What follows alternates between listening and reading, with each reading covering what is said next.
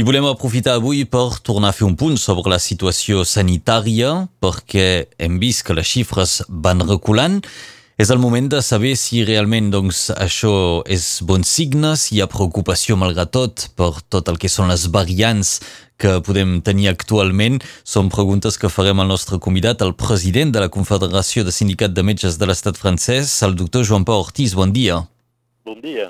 Les xifres que tenim avui aquí a Catalunya Nord és de 96 persones hospitalitzades, una quinzena en reanimació i no hi ha hagut uh, cap mort de Covid-19 des de les últimes 24 hores, fins i tot un, un poc més. Són xifres que considereu més aviat satisfactòries?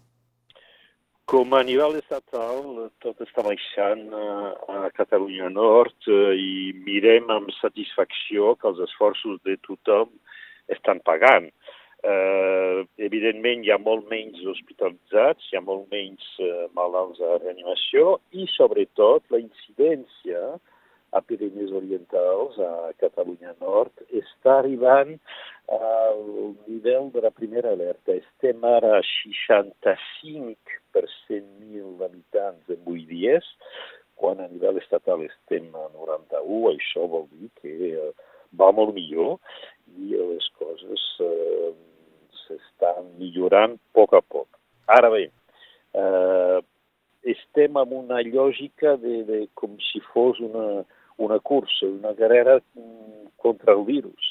Els esforços que hem fet ara ens donen una mica d'avança i no la tenim pas de perdre eh, si no continuem a fer una mica esforços abans de tornar a trobar una vida com ara, com antes, que tothom esperem tornar a trobar la vida d'abans, però encara és una mica, una mica massa d'hora per poder dir ja hem guanyat la partida.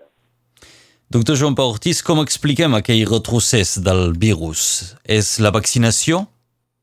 Hi ha du dues coses. La primera és que eh, hem reduït molt i molt, i tothom n'ha patit, eh, els intercanvis socials, eh, sobretot, eh, per exemple, en els bars, els restaurants que s'han tancat, tot el que és, evidentment, eh, eh, trobades on hi havia molta gent, que eh, els teatres, els concerts, el deport i tot això.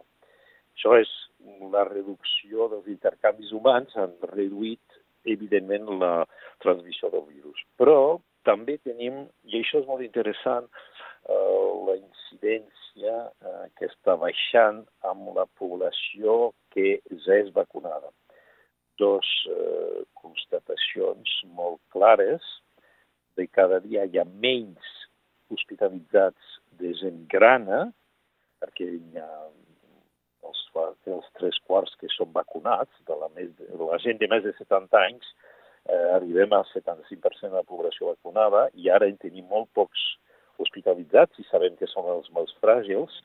I quan mirem la incidència, eh, la quantitat de mal de positius, eh, mirant l'edat de la gent que és, que és positiva, la població de més de 60 anys és inferior a 50 per 100.000. Vol dir que estem sota el nivell d'alerta i evidentment la població de més de 60 anys són els que són més vacunats.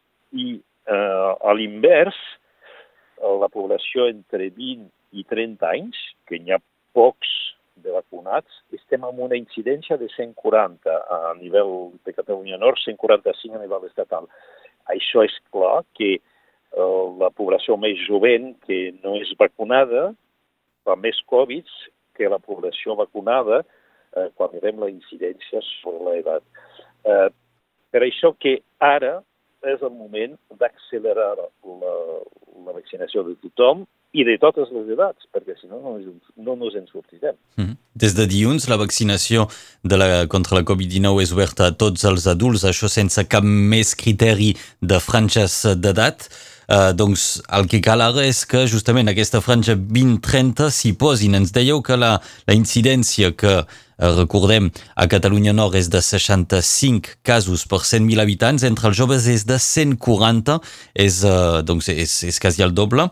A Catalunya Nord aquestes són les xifres, ara cal que els 20-30 anys uh, es vacunin, és això?